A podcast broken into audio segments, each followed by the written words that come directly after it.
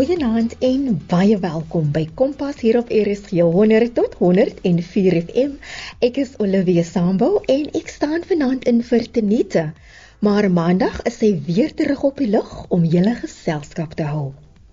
Vandag gesels ek met Anne Marie Meiburg.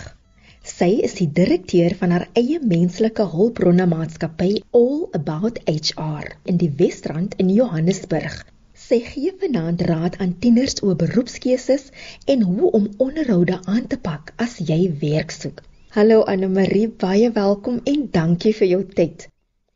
Jy's 'n algemene menslike hulpbronne praktisyn. Jy weet natuurlik dat almal vir julle blameer as iemand afgedank word, maar presies wat behels HR soos dit beter bekend staan? Ek dink daar is baie mense wat hierdie prentjie van HR het as die persoon wat mense hire en fire. Die die realiteit is dis eintlik baie groter as dit. HR bestuurder is maar gewoonlik iemand wat alles doen van die indiensstemmings, die uh, onderhoude wat mense in diens neem om te besluit wie is die regte persoon vir die regte pos, kontrakte wat opgetrek word, die beleide wat aan die maatskappy geskryf word om seker te maak almal hou by reëls en regulasies. Dan staan die betaalrol wat genoem die payroll soos ons dit noem Natuurlik is daar die aspek van die dissiplinêre verhore of die performance management of retrenchment soos ons dit ken. Dis nou die slegte kant van HR, maar dit is so groot veld. Daar's die opleiding en ontwikkeling wat ook deel vorm van HR, met equity wat seker maak jy neem die regte mense met die regte skills en al die goedjies in in diens. So dis regtig 'n wye wye veld maar ek het besluit ek het myself ge, as 'n HR generalist gespesialiseer, so ek kan basies alles in al die HR velde dan doen. En dis hoekom ek ook my eie praktyk gemaak het met All About HR om dan seker te maak ek kan hierdie diens lewer aan kliënte. Jy weet, dis nie net 'n persoon wat die indiensnemings doen nie, dis nie net 'n persoon wat die payroll doen nie, dis 'n wye spektrum van dienste eintlik in een pos. As ek so luister na jou, klink dit asof menslike hulpbronne baie rus op verhoudinge dink dit is baie baie belangrik as 'n mens by 'n maatskappy is as jy vat uh, een van die groot maatskappye by week gewerk het vir 'n lang ruk. Um hulle is nou een van my grootste kliënte ook. Het ek daai respek moes opbou waar as jy vir iemand sê ons doen 'n ding so, jy doen dinge tot die beste van die menseverhoudings, terwyl van die personeel om die verhoudings tussen mekaar ook te kan opbou om te sê hier's 'n argument tussen twee gewees. Kom ons los dit op want op die einde van die dag is dit daar almal vir 'n gesamentlike doel om die maatskappy se voordeel te promote. Hoe kies jy 'n beroep wanneer jy moet gaan studeer? Want hoe weet jy dis die regte een vir jou? Man, ek dink as mense dit so een stapie terug kan vat, dink ek dis baie belangrik dat ons jong mense op skool eintlik al probeer so vroeg as moontlik probeer besluit wat is dit wat hulle regtig wil doen? Jy weet, wat 'n verskil wil hulle in die samelewing maak? En ehm um, hoe hulle dit wil bereik. As jy op skool kan besluit jy wil byvoorbeeld 'n dokter word of jy wil 'n rekenmeester word of jy wil 'n veearts word, dan maak dit seker besluite wat jy maak oor wat se opleiding jy moes gekry het, wat se kwalifikasies jy nodig het, baie makliker wanneer jy eintlik vir 'n werk aansoek wil doen as jy nou klaar besluit het en jy het jou opleiding gedoen, weet as jy dan vir 'n onderhoud gaan, is dit baie makliker want jy is selfvertroud dat hierdie is wat ek regtig wil hê. En ek glo as mens iets regtig graag wil hê, is dit maklik om dan jouself te verkoop. Want 'n onderhoud op die einde van die dag is maar eintlik waar jy jouself gaan verkoop aan die maatskappy en sê ek is die beste persoon om hierdie werk te kan doen en ek gaan my beste vir jou gee en as jou passie daarbey lê, gaan dit regtig dan net kan goed gaan in 'n onderhoud. Ander ding wat saam met dit hand aan hand gaan is om seker te maak dat wanneer jy werk soek is om seker te maak in watter industrie jy wil wees. Dit help nie jy dink jy gaan 'n uh, prokureur wees en jy gaan in jou shorts en jou T-shirts elke dag kan werk noodwendig nie, maar net so kan jy ook sê, jy weet jy gaan nie noodwendig 'n dokter kan wees en jy werk nie met bloed nie. So mens moet realisties wees oor wat jou droom vir jou eintlik gaan beteken. Dit behels ook selfvertroue om vir 'n onderhoud te gaan en selfs net om aansoek te doen. Hoe bou jy dit op? Want dis iets wat outomaties kom nie. Sjoe, ek dink dit is iets wat ek self al moes geleer het om te sê soms moet jy in die diep kant ingegooi word om te leer om te swem, né? Dis daai bietjie selfvertroue bymekaar sit om in 'n werk in te stap nie en nie 'n droom na te jaag nie, gaan jy nie 'n lewe kan bou daarna nie dis nie iets wat jy kan vir iemand leer nie. Ek dink nie dis iets wat jy vir iemand kan gee sê dis hoe jy selfvertroue kry nie. Dis iets wat ek dink maar met ervaring moet kom. Om te gaan vir 'n onderhoud en om te besef jy gaan partykeer teleurgestel word as jy nie daai werk kry waarvoor jy gegaan het nie en dan maar weer op te staan en weer te gaan. Verskeie kere moet 'n mens maar teleurstelling beleef om daai oorwinning te kan behaal uiteindelik. Een van die grootste kritiek teen maatskappye is dat hulle mense met ervaring soek. Maar hoe kan jy ervaring opdoen as jy nie 'n kans gegee word nie? Daar is 'n beginsel wat ek altyd sê, jy weet jy, kyk 'n bietjie rond aan poste, doen aansoek vir soveel as moontlik, weet waarvoor jy gaan. As jy 'n lyn en een lyn in die water het, het jy 'n kans om een vis te vang as jy 10 lyne in die water het, het jy 'n beter kans om meer te vang. So vir iemand wat geen ervaring het nie, ek is gelukkig in my bedryf ek al baie keer gesê, jy moet die mense 'n kans gee want as jy hulle nie 'n kans gee nie, hoe moet hulle ooit die ervaring optel? Maar mens moet realisties wees dat daar sekere poste is wat ervaring soms 'n regte noodsaaklikheid is, maar mens moet weet dat enige persoon moet onder begin en, en ek dink dis waar ek myself kan trots om te sê ek het al baie jong mense in my um, loopbaan kans gegee en sê bewys jouself en besef dat jy soms gaan foute maak, maar wees bereid om te sê ek's jammer en ek gaan harder probeer of ek gaan weer probeer en ek's bereid om te leer. As jy met daai gesindheid in sal stap, is ek seker daar sal baie meer mense daar buite ook jou geleentheid kan gee om dan daai ervaring op te tel. Baie jong mense maak staat op hulle kwalifikasies wanneer hulle aansoek doen vir 'n pos, maar tog jou ingesteldheid en jou houding kan die deur vir jou oop of toemaak. Absoluut, absoluut. Mens moet nooit te arrogant wees nie. As ek 'n voorbeeld kan gebruik, ons het nou die dag 'n uh, onderhoud gedoen met iemand wat ons gevra het wat is die dagloon wat hulle wou verdien het. En om te arrogant dan te gaan sê jy oversell jouself. Jy dink te veel van jouself.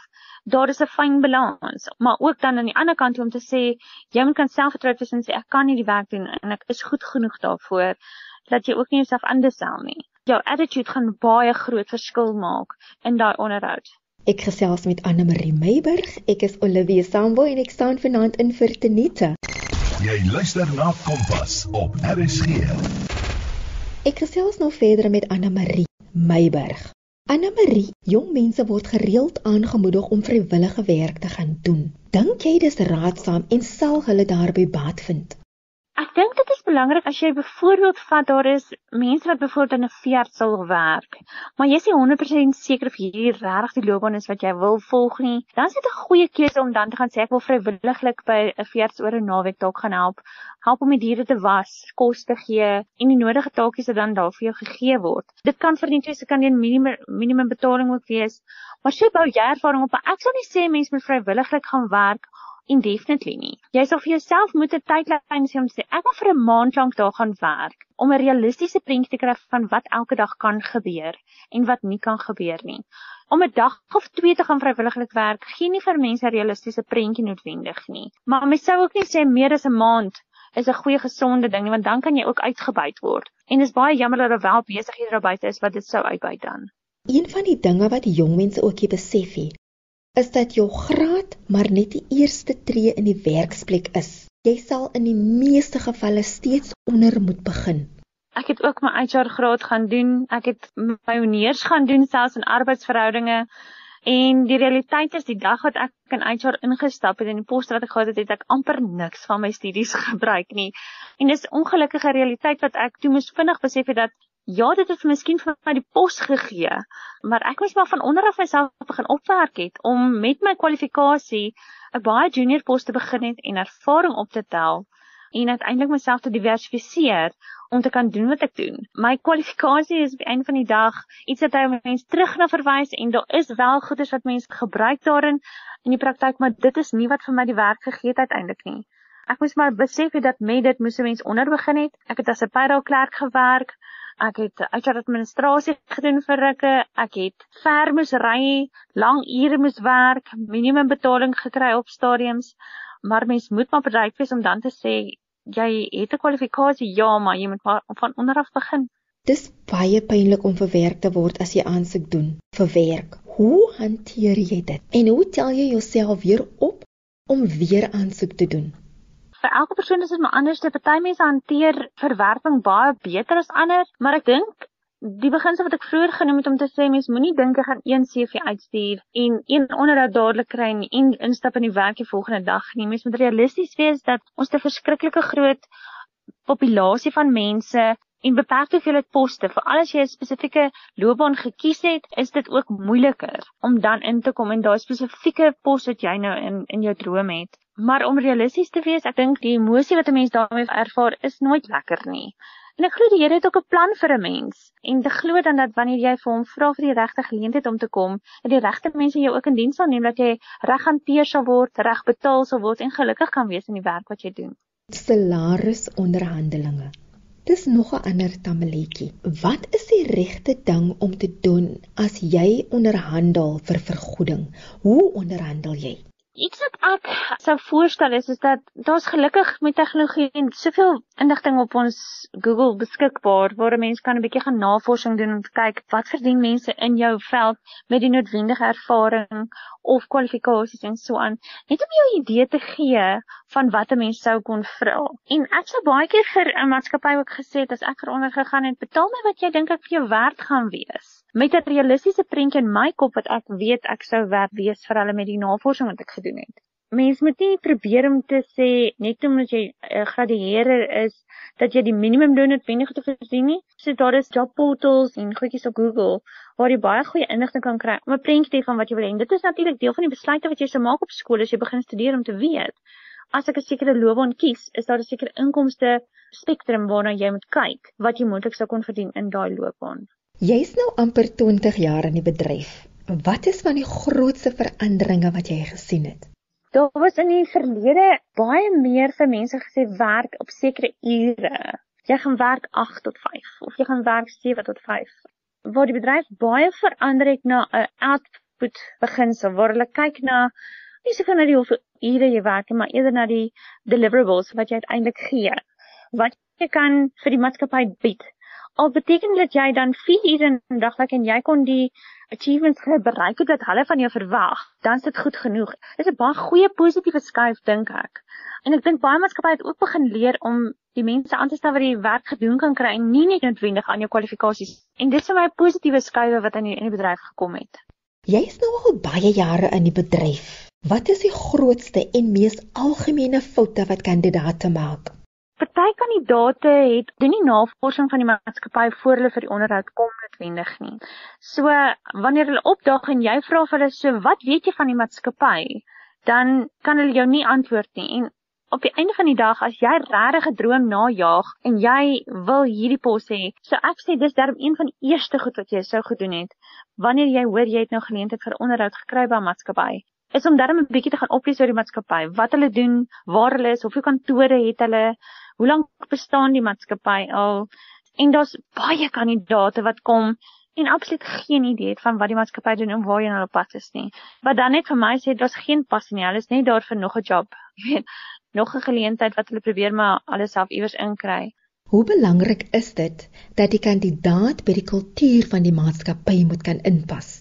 Dis my baie belangrik want kyk iemand wat byvoorbeeld in motorbedryf waar ek verlang al werk, jy dra nie 'n soet en 'n taai noodwendig nie, maar mense kom met 'n soet en 'n taai na onderhoud toe en alhoewel dit nou mooi en fancy lyk, like, dit sê van dat jy besef nie die kultuur waarin jy gaan werk nie.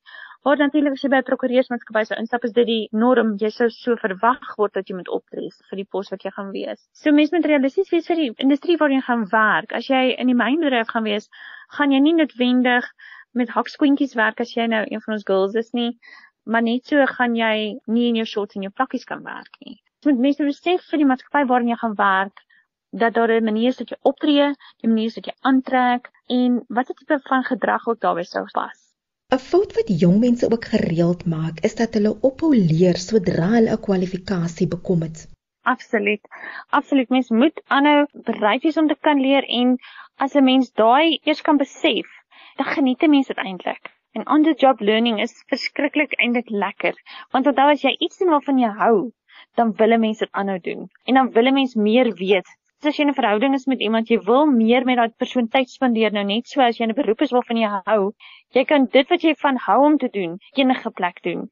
Hoe hanteer jy dit as daar ouer mense in die werksplek is wat die ervaring het maar hulle ontbreek aan die kwalifikasies. En dan kom 'n jong mens met die kwalifikasies, maar hulle het nie die ervaring nie. Hoe kan hulle dan saamwerk? Van 'n HR perspektief kan ek jou antwoord om te sê dat mens moet maar bereid wees om ook te besef van ons minder jong mense is set in hulle ways en hulle is maar baie moeilik om aan te pas by dinge, maar soms is die manier hoe jy dan vir hulle verduidelik dat daar is dalk net 'n ander plan, kom ons probeer 'n ding om hulle inkoop te kry om te sê, kom ons probeer net iets anders. Maar te besef dat mense is verskillend. Vir al ons minder jong mense, hulle hou nie baie van verandering nie en hulle is nie so gewoond soos ons jonges om elke ding elke dag anders te doen nie. As jy mens met daai ingesteldheid kan verstaan mense is verskillend, dan gaan jy hulle inkoop kry en dan sal jy wel op die einde van die dag dalk jou idees kan aan hulle verkoop. Watter wenke het jy vir jong mense wat hulle kansse kan verbeter as hulle vir 'n onderhoud gaan of aansoek doen vir werk? Ook seker jy doen 'n bietjie navorsing oor die maatskappy waarna toe jy gaan, dat jy weet wie hulle is, waar hulle is, kyk waar die adres is waar jy moet wees, maak seker hoe laat jy daar moet wees en wees betyds. Eerder 10 minute vroeg as 10 minute laat. En as jy 'n probleem gaan optel, asseblief bel tog die plek net en sê vir hulle 'n krisis het gebeur. Dit is die lewe, dinge gebeur. Mens kan nie altyd bepaal dat jou kar dalk nie breek of iets gebeur nie, maar kommunikasie ook is baie belangrik. Wanneer jy by die onderhoud ook is om om eerlik te wees.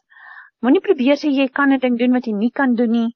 Wees bereid om te sê jy sal leer en maak seker dat jy net jouself is. Wees ontspanne. Ek weet dit is baie moeilik om te sê as jy vreeslik benoud raak as jy by die onderhoud opdaag, dis jou eerste onderhoud dalk in jou lewe. Dit is maar vreesaanjaend, maar om net ontspanning te sê, jy het sekere kennis en die antwoorde so eerlik as moontlik te gee.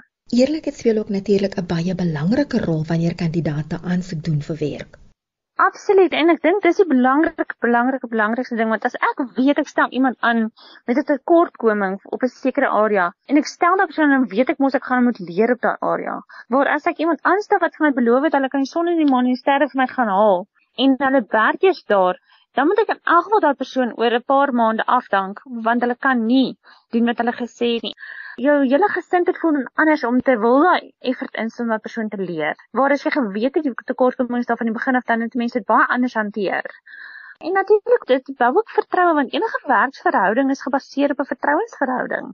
So as jy nie onderhoud nie 100% eerlik met my is oor wat jy kan doen nie, dan gaan ek altyd vir myself vra maar as hy nie eens daar 100% eerlik met my kan wees nie, hoe gaan ek hom vertrou om elke dag sy werk gedoen te kry eerlik sonder dat ek hom hoef op te pas?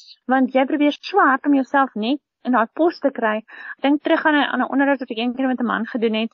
Hy het aansoek gedoen vir 'n pos en gesê hy kom in die nodige ervaring. Gaan binne 6 maande moet ek net met hom begin performance management doen. En uiteindelik kom toe nou afdank en dit is net so sleg wees. En natuurlik die maatskappy ly ook skade daarin want dis tyd wat jy moet invest in iemand waar jy geglo het iemand gaan nie ehm um, laat kan vat en kan hardloop. Dan sien jy dit werk nie en jy moet sukkel en dinge kom nie reg nie. En dan moet jy nou weer van voor af die indiensdiensproses begin. Weer onderhoude begin doen en dit mors tyd aan twee kante en stel mense te leer. So dis regtig belangrik dat mense moet eerlik wees om te sê, ek kan of ek kan nie 'n ding doen nie en bereid wees om te sê, ek sal leer. As ek onderhoude doen dan dan's dit die groot ding wat ek mense net sê, jou eerlikheid gaan vir jou baie verder bring as dat jy jouself probeer ouerstel op iets wat jy nie kan doen nie. 'n Mens hoor gedurig van jy moet jou energie moet deurkom. Hoe belangrik is dit dat iemand met die regte energie vir 'n onderhoud opdaag? Ek dink dit is regtig belangrik. Dit wys ook 'n bietjie van jou selfvertroue. Iemand wat gaan instap in 'n salespos vir 'n voorbeeld en gaan vir my sê, "Hallo, ja, dis reg gaan ek beslis nie kan aanstel in 'n selfspos nie. Maar mens moet ook realisties wees dit hang af wat se pos die persoon voor aansoek doen.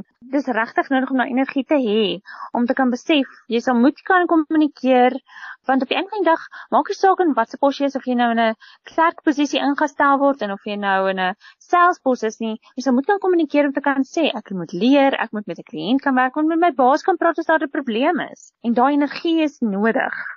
Ek sien gesprek met Anne Marie Meiburg wat gesels oor jong mense in die werksplek en wat jy kan doen om jou kansse te verbeter wanneer jy vir 'n onderhoud moet gaan. Kompas, jou loopbaanrigtingaanwyser op RSG. Ek gesels nou verder met Anna Marie. Jy het vroeër genoem dat jy nie meer gedas en gepak by 'n onderhoud moet opdaag nie. So, wat sal die geskikte klere wees vir 'n onderhoud? In vandag se omstandighede so ek sê vir ons mans netjies 'n chino broeke met 'n knoopie hem, maar jy hoef nie 'n das en 'n baadjie by te sit nie. Dis vir my baie meer as aanvaarbaar gewees het. Behalwe natuurlik as jy by 'n formele plek soos 'n prokureur gaan of so, dan sal ek my my das bysit.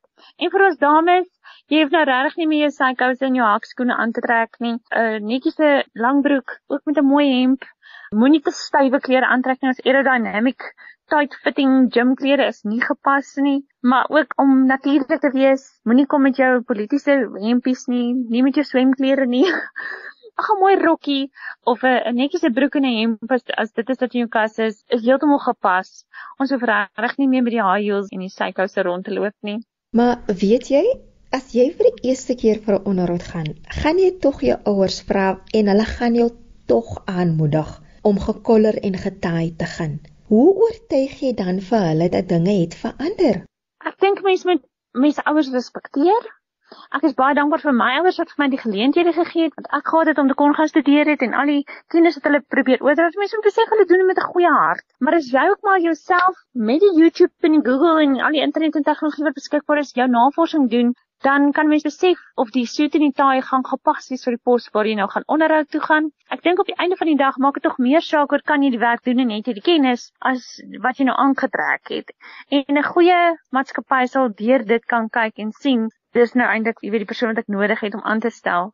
Die vere maak nie die voël nie. Maar respekteer maar die ouer mense vir waar hulle vandaan kom en probeer maar hoor wat hulle sê. Mense kan baie by hulle leer, maar doen maar navorsing oor die pos waarvoor jy gaan aansoek doen. Het jy al gevalle gehad waar iemand instap vir 'n onderhoud en jy weet onmiddellik daar is die 'n katse kans dat jy die persoon sal aanstel? Jo, ja, paar keer al. Ja, vir alles iemand instap en dan kan jy net sien jy kyk die persoon is regtig nie lus vir werk nie of hulle stap met 'n hangover in of hulle het nie behoorlik aangetrek vir die onderhoud nie. Soos ek vroeër gesê het, jy weet, jy hoef nie noodwendig 'n soet en 'n taai aan te trek nie, maar jy kan beslis ek nou nie in jou civies daar opdaag altyd nie. Ja, jy moet besef dat dit 'n een geleentheid is. First impressions last. Dit is 'n een geleentheid wat jy het wat jy iemand gaan kry om jou ernstig op te vat en te besef jy wil daai werk doen of jy wil nie.